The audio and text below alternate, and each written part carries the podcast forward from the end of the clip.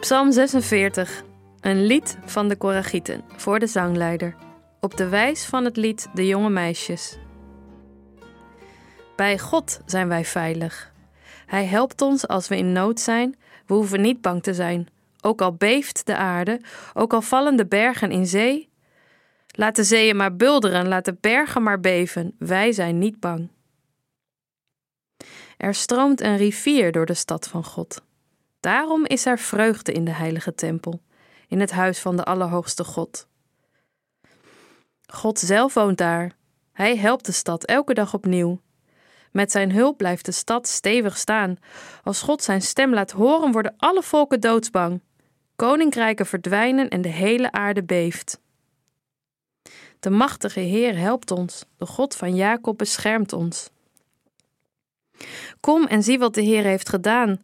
Wat hij doet verbaast iedereen. Overal maakt hij een eind aan de strijd. Alle wapens maakt hij kapot. Hij breekt ze in stukken en gooit ze in het vuur. Stop met de strijd en weet dat de Heer God is. Hij heerst over alle volken, hij heerst overal op aarde. De machtige Heer helpt ons, de God van Jacob beschermt ons.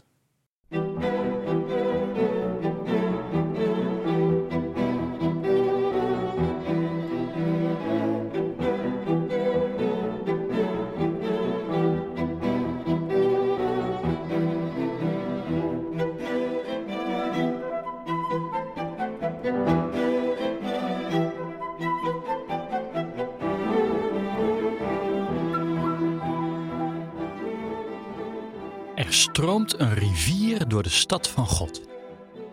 Daarom is er vreugde in het huis van de Allerhoogste God. God zelf woont daar. Daar gaan we vandaag bij stilstaan.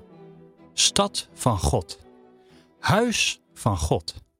Volk van God. Wat zegt dat?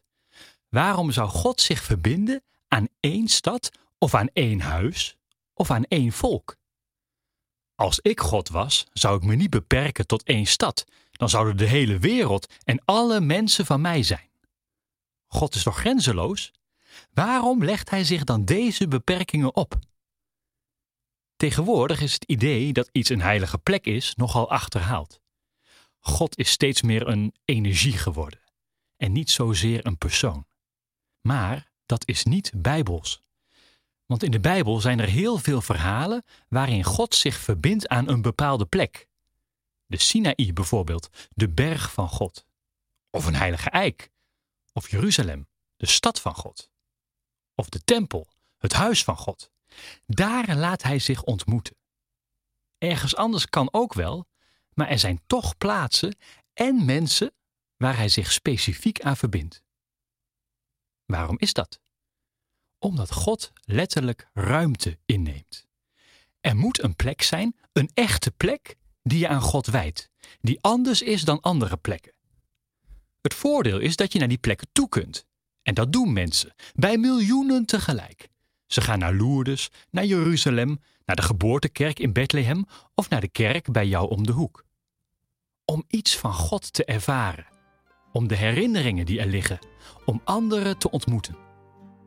En die gedachte dat je je verbindt aan anderen, aan iets groters dan jezelf, dat vind je inderdaad niet in de eenzaamheid van je eigen woning. Je moet erop uit.